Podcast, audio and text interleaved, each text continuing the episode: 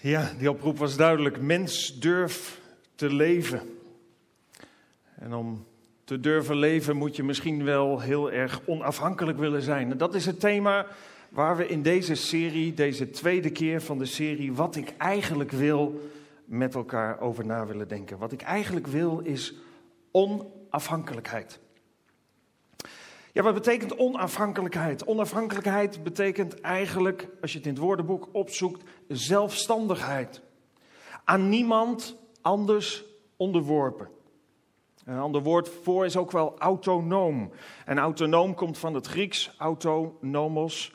En auto betekent zelf of vanzelf. En nomos betekent een bepaalde wijze of gewoonte of wet. Ja, de mens heeft van nature een drang om onafhankelijk te zijn. Al heel jong willen kinderen dat graag en dan zeggen ze ik zelf doen en dan willen ze onafhankelijk zijn. Als kinderen wat ouder worden, dan groeit dat verder door. Dan worden ze zelfstandiger, gaan zelf naar de wc en redden zich daar helemaal. Gaan zich zelf aankleden en soms gaat er nog wel eens wat fout, maar ze willen wel graag onafhankelijk worden. En als het goed is, wordt dat ook door de ouders gestimuleerd. Ook zelfstandig fietsen. En, en als ze nog weer wat ouder zijn, misschien zelfstandig alleen naar school, steeds verder groeien in onafhankelijkheid. Als een kind nog ouder wordt, en door die fase zijn we allemaal gegaan, um, kan zijn dat we er nog in zitten, dan word je puber. En ja, dan word je nog weer wat meer onafhankelijk, nog zelfstandiger. Eigenlijk is dat een fase, laatste fase waarin je je voorbereidt om je los te maken van je ouders en om helemaal zelfstandig, helemaal onafhankelijk van je ouders te zijn. Dat is best soms een hele moeilijke en lastige periode. Moeilijk omdat het loslaten is vanaf twee kanten, maar het is absoluut noodzakelijk. Sommige mensen die blijven daarna ook streven naar onafhankelijkheid op tal van terreinen. Het kan bijvoorbeeld zijn dat mensen zeggen: ja, ik, ik wil eigenlijk niet voor een baas werken. Ik wil onafhankelijk zijn. Ik wil zelfstandig ondernemer zijn. Geen macht of baas boven me. Ik wil autonoom zijn in mijn werk. En ik wil zelf wetgever zijn. Ik wil zelf bepalen wat ik doe en hoe ik het doe. Soms zijn het ook hele landen of groepen mensen die streven naar onafhankelijkheid. He, daar wordt soms ook behoorlijk voor gestreden, onafhankelijkheid, strijd. En die willen niet langer aan een ander land toebehoren of bij een andere groep horen, maar willen onafhankelijk van een groep worden. Autonoom, willen zelf, zij het dan wel in een groepsverband, maar willen zelf de wet bepalen. Sommige jongvolwassenen, maar ook wel volwassenen, die blijven juist weer heel erg afhankelijk. Soms zelfs te veel afhankelijk. Jongvolwassenen die hun ouders niet loslaten, die eigenlijk niet op eigen benen gaan staan. En soms komt dat omdat de ouders hun kinderen niet willen loslaten. Eigenlijk niet de ruimte willen geven om onafhankelijk te zijn. En dat is eigenlijk een ongezonde situatie. Soms komt het ook omdat kinderen het helemaal niet prettig vinden als ze groter, ouder worden om onafhankelijk te zijn. Misschien soms uit gemakzucht. Het is wel fijn als mijn ouders erover nadenken of als mijn ouders dat voor me doen. Soms ook uit angst voor, je zou kunnen zeggen, de grote, boze wereld. En angstig om ook zelf keuzes te maken en onafhankelijk te zijn. En soms blijft dat een beetje hangen. Ook als mensen wat ouder worden, blijven ze nog afhankelijk van alles en iedereen. Je zou kunnen zeggen dat daar ook dit lied over ging. Mens, durf te leven. Durf je eigen verantwoording op te nemen. Durf zelf keuzes te maken. En ja, eigenlijk zie je dat onafhankelijkheid altijd wel gezocht wordt, maar eigenlijk ook gestimuleerd moet worden. In ons land hebben we een leerplicht. De overheid heeft een leerplicht ingesteld tot een bepaalde leeftijd. Je zou kunnen zeggen dat is eigenlijk ook een soort stok achter de deur om jongvolwassenen klaar te maken om zelf keuzes te maken, zelf richting te kiezen en onafhankelijk te worden van hun ouders sowieso, maar ook zoveel mogelijk onafhankelijk van de overheid. En ouders hebben eigenlijk ook een leerplicht, niet voor zichzelf, maar om hun kinderen te leren om onafhankelijk te zijn. Ze dat setje te geven en dat mee te geven, waardoor ze onafhankelijk kunnen zijn. Ja, wat ik eigenlijk wil is onafhankelijkheid, dat is het thema van deze dienst. Maar volledige onafhankelijkheid is eigenlijk een onmogelijkheid. Je kunt niet helemaal van alles en iedereen onafhankelijk zijn. Misschien als je jong en sterk en overmoedig en naïef bent, dat je nog wel de illusie hebt dat je helemaal onafhankelijk kunt zijn. Maar misschien als je wat ouder wordt en wat volwassener wordt, ja, dat je dan door de levenservaring wel leert en ziet ja, dat het gewoon niet mogelijk is. Dat je altijd wel in zekere mate afhankelijk blijft van anderen. En misschien wel naarmate je ouder wordt, dat je weer veel meer afhankelijk wordt. We zagen net een gedeelte in die, uit die film See No Evil, Hear No Evil. Twee mensen, de ene doof en de andere blind, die afhankelijk van elkaar tot bepaalde prestaties kwamen waar ze individueel niet toe kwamen. Nou is het niet aan te bevelen om een gevecht aan te gaan. Ze gingen zelfs een autorit aan waarbij de ene instructies gaf hoe die moest rijden en de ander um, de blinde stuurde. Zo kwamen ze samen tot iets waar ze individueel niet uit zouden komen. Het streven naar onafhankelijkheid, en misschien als je naar je eigen leven kijkt, dan zie je dat ook wel, is eigenlijk per mens verschillend. De ene, persoon, de ene persoon heeft een hele sterke drang om onafhankelijk te zijn. Dat zie je eigenlijk al als het kind heel jong is. Een ander, ja, daar hoeft dat niet zo voor. Het is erg afhankelijk van het karakter en daaruit voortkomend het verlangen om onafhankelijk te zijn. Nou, zo zie je dat je kunt er eigenlijk niet een soort van kopje boven zetten van dat streven naar onafhankelijkheid is goed of het is fout. Nee, het is soms goed, soms is het minder goed, soms is het streven naar onafhankelijkheid nodig, soms is het juist helemaal niet wenselijk. Soms moet het gestimuleerd en soms moet het juist afgeruimd worden.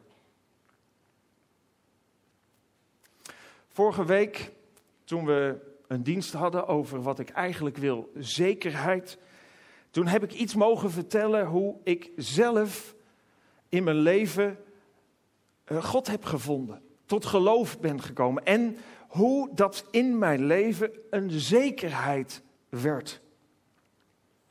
En ik heb eigenlijk ook verteld hoe dat, hoe dat ging. Hoe ik in Turkije was als geluidstechnicus met televisieopnamen die we daar maakten. Met een groep jonge christenen. En hoe ik jaloers werd eigenlijk op die groep jonge christenen. Hele gewone mensen, maar toch jaloers op wat zij hadden. Die onderlinge liefde die ik herkende, dat was aanstekelijk. Ik werd niet jaloers op mensen die naar de kerk gingen. Ik werd niet jaloers op mensen die zeiden te geloven. Nee, ik werd geprikkeld juist door die hele gewone jongelui. Die zo'n bijzondere liefde bij zich hadden. Dat me dat juist triggerde. Niet mensen die zeiden dat ze geloofden, maar mensen die leefden als christen. Ik zei al, gewone mensen, heel eerlijk over hun fouten en hun tekortkomingen. Niet een soort aureooltje boven hun, alsof het engeltjes waren. Die ondanks hun moeilijkheden, die ze ook in hun leven hadden, rotsvast geloof hadden en zich vasthielden aan de beloftes en aan de trouw die God, waar God over spreekt in de Bijbel. Mensen die echte onvoorwaardelijke liefde aan mij gaven daar toen, tijdens die reis van 2,5 week, mensen die, dat zei ik vorige week ook, die een jaloersmakende zekerheid in hun leven hadden. Waarvan ik me toen ook afvroeg, hoe komt dat toch? Waar hebben ze dat vandaan? En alles was gebaseerd op hun geloof. Van, je eigenlijk zegt, ja, geloof en zekerheid. Wat heeft dat met elkaar te maken? Nou, dat is nou net wat de Bijbel zegt. De definitie van geloof die wij aanhangen is: ik geloof het. Dat betekent, ik neem het aan. Het zou zo kunnen zijn. Waarschijnlijk is het zo. De Bijbel heeft een hele andere definitie. Die liet ik vorige week ook zien. Wat is geloof? Zegt de Bijbel. Het is de absolute zekerheid dat onze hoop ooit werkelijkheid wordt. En het is het bewijs van dingen die we niet kunnen zien. Hoe kun je nou een absolute zekerheid hebben over dingen die je niet kunt zien? Dat kan alleen maar, en zo mocht ik het zelf ook ontdekken. En honderdduizenden, miljoenen mensen zijn me daarin voorgegaan. Dat kon alleen maar omdat God die zekerheid aan je wil geven dat Hij betrouwbaar is, dat Hij van je houdt en dat Hij het beste met je voor heeft. Geloof is iets wat God geeft. Wel op basis van een eigen keuze die ik maak. God dringt zich niet aan de mens op. Ieder mens heeft een vrije wil en anders zou er ook met God geen liefdesrelatie mogelijk zijn.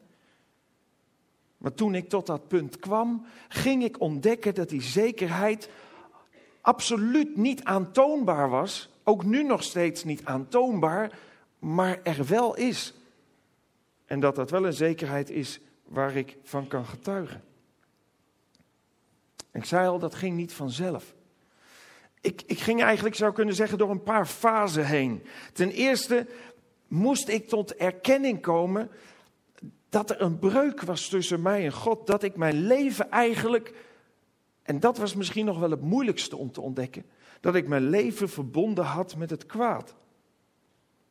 Dat mijn leven eigenlijk dat, dat ik persoonlijk eigenlijk rechtmatig eigendom was van het kwaad. En ik wist wel dat ik hele andere keuzes maakte dan wat er in de Bijbel stond. Ik wist wel dat ik al lang had losgelaten wat ik in mijn jeugd uh, misschien had geloofd. Maar dat dat automatisch betekende dat ik bij de tegenstander van God hoorde. Dat er geen grijs gebied is. En dat betekent niet dat als je niet in God gelooft, dat, je, dat er hoontjes groeien of dat je tanden langer worden of dat soort enge dingen. Er is geen grijs gebied. De Bijbel zegt heel duidelijk, wie niet voor mij is, zei Jezus, die is tegen mij. En ik vond het heel lastig. Het heel lastig om tot die erkenning, tot dat punt te komen waarin ik zei van ja, ik heb er bewust voor gekozen om me van God af te keren. En dat betekent inderdaad dat ik ben gaan doen wat juist Gods tegenstander heel graag wil dat ik doe. Ten tweede, ja, er ontstond zo'n verlangen in me om dat te krijgen, dat te ontvangen wat ik bij die mensen ook zag, die relatie met God. Maar ik moest erkennen ik moest tot ontdekking komen dat ik die verbintenis met God niet zelf tot stand kon brengen. Eigenlijk zo gezegd, ik kon me niet zomaar losrukken van die andere verbintenis die ik was aangegaan. En eigenlijk lees, lees ik dat ook in de Bijbel. Daar staat, God wil, dat is al een belangrijke, God wil dat alle mensen gered worden en de waarheid leren kennen. Want er is één God. En tussen hem en de mensen is er één bemiddelaar. De mens Christus Jezus. En dan komt het, want daar gaat het om. Hij heeft zichzelf gegeven als losprijs voor alle mensen. Terwijl Christus kwam op aarde. Christus stierf zonder dat er iets tegen hem was, zonder dat hij een zondaar was. En dat deed hij om de prijs te betalen om mij los te kopen, maar ook om de prijs te betalen om jou los te kopen. Eigenlijk uit de klauwen van het kwaad. En ten derde, en dat heeft veel meer te maken met het thema waar we het vandaag over hebben, onafhankelijkheid. Ten derde, merkte ik dat ik ook wat moest inleveren. Dat ik wat moest achterlaten, bij wijze van spreken, bij de keuze die ik maakte om God te willen navolgen. Namelijk mijn onafhankelijkheid. Mijn autonomie in mijn leven. Mijn zelfbeschikking in mijn leven. En mijn eigen wijsheid. Allemaal dingen die ik, waar ik niet aan vast kon houden, maar die ik eigenlijk uit handen gaf. Er is een boek en dat boek heeft de titel God speelt geen enkele rol in mijn leven. En je zou denken als je die titel hoort, dat is iemand die atheïst is en schrijft dat hij niks met God te maken wil hebben. Maar dat is het niet, want als je later ziet wat de subtitel is, dan staat er, ik, God speelt geen enkele rol in mijn leven. Hij is de regisseur. En dat betekent eigenlijk dat wanneer je je leven in Gods hand legt, wanneer je je leven aan God toevertrouwt, wanneer je verlangt naar die echte onvoorwaardelijke liefde die God alleen kan geven, dan blijf je nog wel de hoofdrolspeler in je eigen leven, maar God wil je regisseur zijn. En God wil je in je leven zoveel mogelijk vrijheid geven. Maar hij wil veilige kaders aanbrengen in je leven. Eigenlijk zou je kunnen zeggen, hoe tegenstrijdig het ook klinkt, een, on, een afhankelijke onafhankelijkheid. Afhankelijk van, van God en toch onafhankelijk omdat je zelf wel de hoofdrol blijft vervullen. En dat betekent heel praktisch in mijn leven eigenlijk twee dingen. Dat ging het voor mij betekenen, dat betekent voor alle mensen die die keuze maken. Het betekent dat ik, dat ik zag hoe betrouwbaar God was. Dat ik zag, ook in wat ik bij die andere mensen zag, dat zijn liefde oprecht en waar is. Dat ik zag dat zij niet alleen maar kuddedieren waren en dat God marionetten van hen had gemaakt. Nee, ik zag dat ze gelukkig waren dat ze rust in hun leven hadden, dat ze zekerheid hadden, ondanks natuurlijk nog steeds de moeite en de tegenslag waar ook zij mee te maken hadden. En voor mij betekent het ook dat ik de keuze maakte om binnen die veilige kaders van God mijn leven te willen inrichten. Die kaders waarbinnen ik op een veilige manier onafhankelijk kan zijn. Want ja, onafhankelijkheid betekent dat je je eigen wetten bepaalt, je eigen normen en waarden bepaalt. Maar hoe vaak moet je niet ontdekken dat je je neus stoot, dat je tegen dingen aanloopt waarvan je niet weet hoe je het moet doen of wat je moet doen. En daarom voelt het fantastisch om een God te leren kennen die weet hoe je in elkaar zit, die je kent, die van je houdt en die zegt: ik wil graag jouw leven leiden. En dat betekent dat ik daar die keuze maakte om iedere dag opnieuw mijn leven door God te willen laten leiden. En niet vanuit druk, niet een boze oude man op een wolk die me de regels voorschrijft en die me eigenlijk het leven zo zuur mogelijk maakt. Nee, ik leerde God kennen als een liefdevolle God. Die van je houdt, en die het beste met je voor heeft. En daar wilde ik graag afhankelijk van zijn.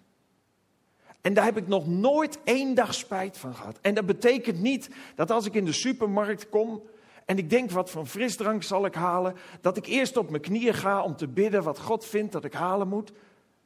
Dan zou je, dan zou je een marionet zijn. Nee, dat betekent het niet. Het betekent dat ik wil zoeken naar de weg die God voor mij heeft, omdat ik weet en ontdekt heb dat ik daar echt gelukkig van word.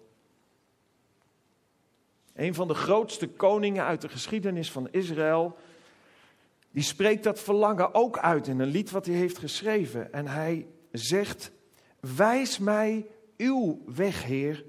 Laat mij wandelen op het pad van uw waarheid.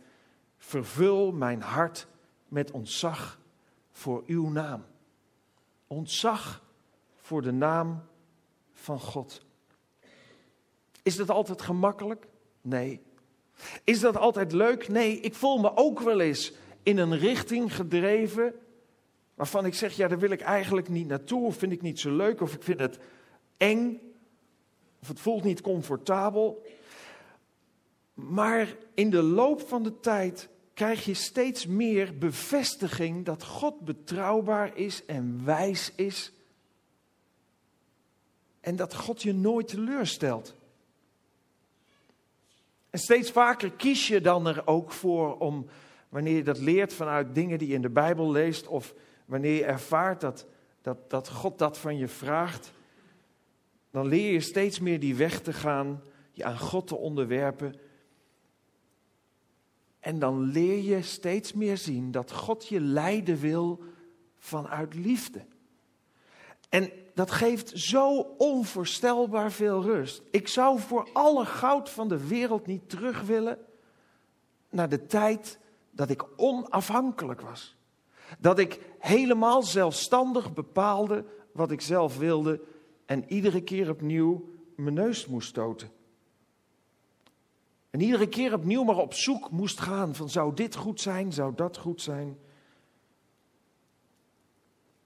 De betrouwbaarheid en de liefde waarmee God je leven wil leiden, is iets wat je rust geeft, wat je geborgenheid geeft, wat je vrede geeft in je hart. En op een gegeven moment zegt God tegen zijn eigen volk Israël, en over de hoofden van hen heen zegt hij dat eigenlijk tegen ons allemaal, ook tegen jou persoonlijk. Want ik weet welke plannen ik voor u heb, zegt de Heer. Met deze plannen heb ik voor u het goede op het oog en niet het kwade. Ik wil u weer een toekomst en nieuwe hoop geven. Dat is wat God je wil geven in je leven. Hoop. Een doel om voor te leven. Een perspectief over de grenzen van de dood heen. Bijstand hier en nu. Ook als het moeilijk is. Diezelfde David schreef een psalm waarin hij zegt: Al ben ik in een dal van diepe duisternis, ik vrees geen kwaad, want u bent mij, met mij. God wil je leven leiden en ik wil ontzettend graag van zo'n liefdevolle God afhankelijk zijn. En eigenlijk doet God ook nu, hier en nu, nog steeds die uitnodiging, ook aan jou. Misschien herken je je er zelf wel een stukje in. Misschien weet je wel dat je God de rug toe hebt gekeerd, je eigen weg bent gegaan. Misschien voel je wel een stukje leegte Misschien ben je al wel heel lang op zoek naar die rust en die geborgenheid en heb je al van alles geprobeerd, maar het niet gevonden. God reikt je ook deze ochtend de hand en zegt: Ik wil je zo graag geven waar je naar verlangt. Dat is ook wat de Heer Jezus zegt. Ik ben ook voor jou gestorven. Ik ben ook gestorven om de prijs te betalen voor jouw leven en jou vrij te maken. Misschien wil ook jij van zo'n liefdevolle God afhankelijk zijn. Zullen we bidden? Dank u wel, Heere God, voor uw liefde. Heer God, en u kent ons allemaal zoals we hier zitten. We zijn voor u, niet, voor u niet een gesloten, maar een open boek. U kent ons hart. U kent ook het verlangen wat we misschien hebben om, om rust in ons hart te krijgen. Verlangen wat we hebben om echte, onvoorwaardelijke liefde in ons leven te ervaren. Ja, God, en ja, dat is nou datgene wat u zo graag wilt geven.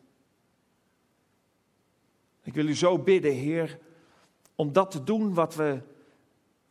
Wat ik niet kan doen door iets te vertellen, wat we niet kunnen doen door iets te zingen, wat we niet kunnen doen door iets te projecteren. Dat u uw liefde legt in het hart van ons. Dat u ons aanraakt met uw liefde. Dat het voor ons duidelijk mag worden. Dat onze, open, dat onze ogen open mogen gaan. Voor uw verlangen om een relatie met ons te hebben. Niet om religie te hebben, waar misschien heel veel afstand is, maar om een relatie te hebben waarvan uit u ons leven ook wilt leiden. God, en ik wil u zo bidden voor een ieder zoals we hier zitten. Heer, raak ons hart aan. Zodat we die liefde die u ons aanbiedt in ons leven zullen aanvaarden. Dat vragen we u in Jezus' naam. Amen.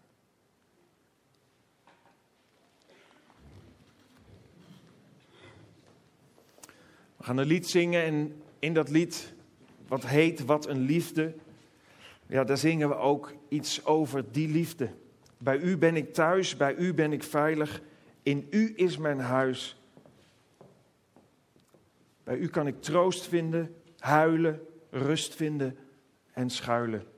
Wat een onvoorstelbare liefde is dat.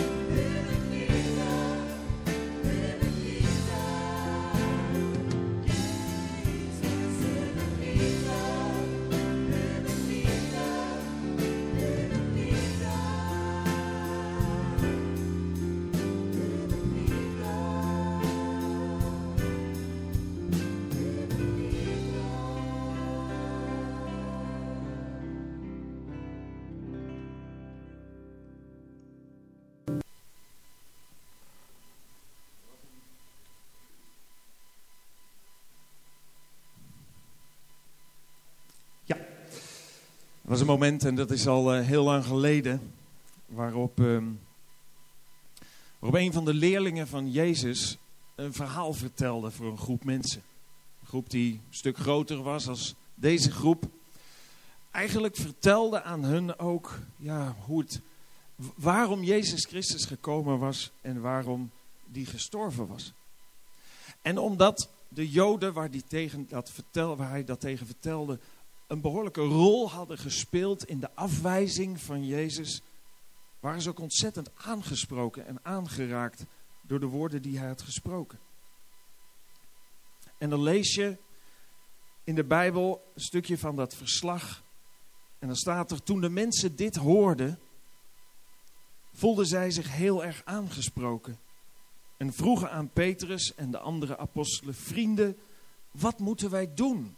Eigenlijk zou je kunnen zeggen, wat moeten we doen om de zaak in orde te maken? Petrus antwoordde, u moet zich bekeren tot God. En u laten dopen in de naam van Jezus Christus. Want dan worden uw zonden vergeven. Dan komt ook de Heilige Geest in u wonen. Eigenlijk zou je, kunnen, zou je het kunnen vertalen met, dan wordt de verbinding tussen jou en God hersteld. Want God heeft die beloofd aan u en uw kinderen aan ieder die door God geroepen wordt en ook aan de verre, vreemde volken, waar wij ook onderdeel van uitmaken. Petrus hield een lange toespraak en deed tenslotte een dringend beroep op hen. Zorg dat u bevrijd wordt van de slechte invloed van deze wereld. De mensen die aannamen wat hij zei, werden gedoopt. Op die ene dag waren dat ongeveer 3000 personen. Een hele grote groep mensen die zich aangesproken voelden, die voelden dat ze geroepen werden om zich om te keren en om Gods weg te volgen. Nou, vanmorgen mogen we ook een aantal mensen gaan dopen. Een aantal mensen die zich aangesproken hebben gevoeld. En in ieder geval is het zo dat Serco en Debbie heel graag ook persoonlijk iets zouden willen vertellen over hoe dat in hun leven is gegaan. Serco en Debbie.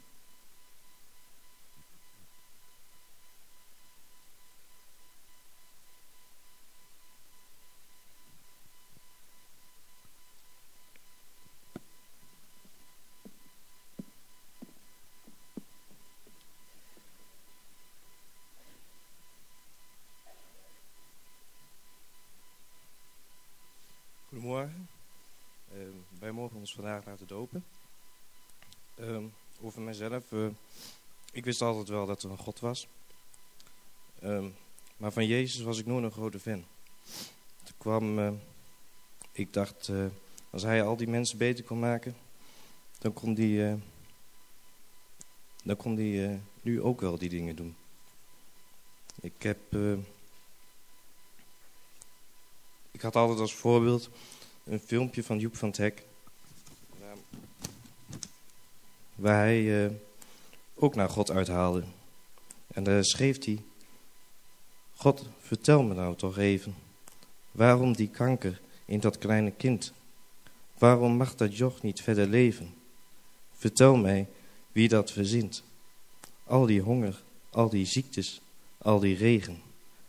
Waarom zijn er zoveel miljoenen op de vlucht? Het waren Dingen wat ik mezelf ook afvroeg.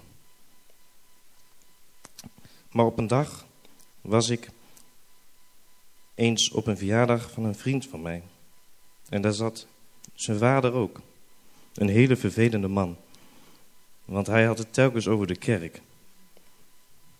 Ik had... Uh, maar hij vroeg op een gegeven moment of ik meeging. En ik had gezegd dat ik het goed vond. En ging dus ook mee. Op een gegeven moment. Ik kwam hier in de basis en ik vond het heel gezellig. Super gezellig. Dus ik ging elke zondag mee. Zelfs als ik een hele leuke stapnacht had gehad, zat ik er elke ochtend toch weer. Toen op een gegeven ogenblik leerde ik Debbie kennen.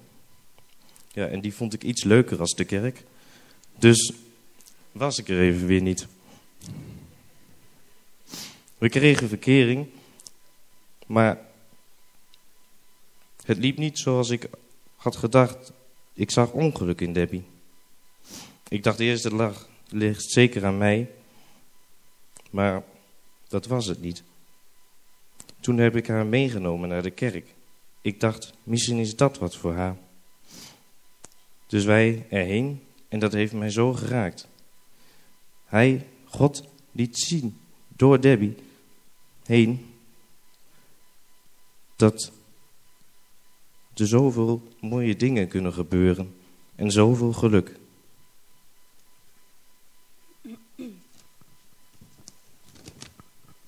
Vroeger betekende God heel veel voor mij. Als klein kind voelde ik hem altijd aan mijn zijde. Ik was nooit alleen en ik had rust in mijn hart. Dat vond ik het allerfijnste gevoel dat er was. Maar toch, hoe sterk ik in hem geloofde, heb ik hem toch op een moeilijk moment in mijn leven losgelaten. Ik was boos op hem. Ik snapte niet waarom hij mij zoveel pijn deed. Waarom hij mijn ouders uit elkaar had gehaald en dat ik geen veilig plekje meer thuis had. Natuurlijk gaf ik hem overal de schuld van. En achteraf heb ik er zo'n spijt van dat ik dat heb gedaan. Dus vanaf mijn dertiende jaar heb ik volledig zonder God geleefd. Hij was er niet meer, een deel van mij. Ik wou het niet meer. Ik heb die jaren ook dingen gedaan waar ik ergens spijt van heb. Ik vond mezelf het niet meer waard. Al die tijd voelde ik een leegte die ik op een, een of andere manier niet kon opvullen. En toen kwam die dag dat ik Circo leerde kennen. Ik was gelukkig met hem, maar toch miste ik nog wat. Er zat nog te veel pijn in mij en ik wist zelf ook niet meer wat ik eraan kon doen. Dus nodigde Circo mij uit om een keer mee te gaan naar de basis. Eerst leek het me helemaal niks, maar het was een dag dat ik nooit meer van mijn leven zal vergeten. De dienst ging over, ik voel me zo waardeloos. En in de dienst ben ik ontzettend hard geraakt. De hele dienst leek volledig op mij te slaan. Ik hield me groot, maar van binnen knapte er echt iets in mij. Ik kreeg een gevoel dat ik verloren was. En het was echt overweldigend. Oh, ik kreeg een gevoel terug dat ik verloren was. en het was echt overweldigend. Na de dienst ben ik ook heel erg overstuur geweest. Ik was zo geschrokken. En sindsdien weet ik dat hij er nog is. En dat hij mij niet vergeten is, ook al probeerde ik hem wel te vergeten. Al die tijd dat ik God terug begon te vinden, is Cirkel bij me gebleven. En daar ben ik hem heel dankbaar voor. Want het was echt niet altijd makkelijk. En nu op deze dag laat ik mij dopen, omdat ik weer bij God wil zijn. De rust die ik eens had, heb ik weer gevonden en wil ik nooit meer verliezen. Ik heb fouten gemaakt, maar ik weet dat Hij me heeft vergeven. En nu wil ik samen met Cirkel Gods weg volgen en er helemaal voor gaan. Toen alles een beetje goed ging bij Debbie, klapte bij mij thuis alles in. Het was een heel moeilijk, toen was het heel moeilijk om op God te blijven trouwen. Maar heb het gedaan, want wist wat hij deed. En toen kwam hij bij mij. Ik voelde toen echt dat hij mij gedragen heeft. Ik heb dingen kunnen doen die ik jaren ervoor niet kon. En ik zag hoe mijn moeder gedragen werd in een moeilijke situatie. Ik weet nu echt dat God er is voor mij en voor iedereen. Um,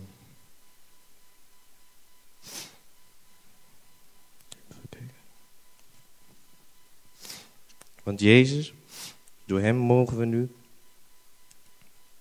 naar een andere wereld straks, waar die ergernissen niet zijn, waar al die ellende niet is. Daarom willen we nu God gehoorzamen en zou Peter ons ook op 3 mei inzegenen, ons huwelijk. Dan gaan wij trouwen, omdat wij God willen volgen, omdat Hij onze redder en verlosser is. Dank u wel.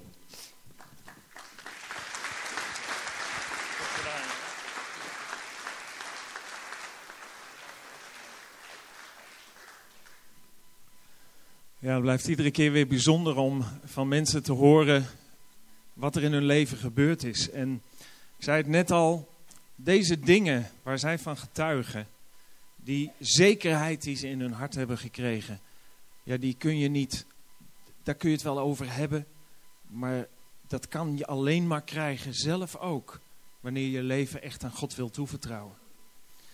En dat is eigenlijk ook waar de doop voor staat. De doop is een symbool. Er zit gewoon water in dit bad. Het is niet iets bijzonders. En toch is het heel bijzonder, want wanneer iemand zich laat dopen, maakt hij daarmee de keuze om zijn leven aan God te willen toewijden. Eigenlijk maak je de keuze om je om te keren, te bekeren. Niet langer bij God vandaan te lopen, maar om naar Hem toe te gaan. En om ook die zekerheid en verbondenheid in je leven te krijgen, waarvan Zerko en Debbie ook spraken. En die doop is een symbool, eigenlijk dat water, een symbool van eigenlijk afwassing, dat van je afdoen, wat niet bij God hoort. Het is ook eigenlijk, zoals de Bijbel erover spreekt, als het ware begraven worden en opstaan in nieuw leven. staat dat ergens in de Bijbel. Het is een symbool en toch heel krachtig, omdat het een symbool is van een keuze die je maakt.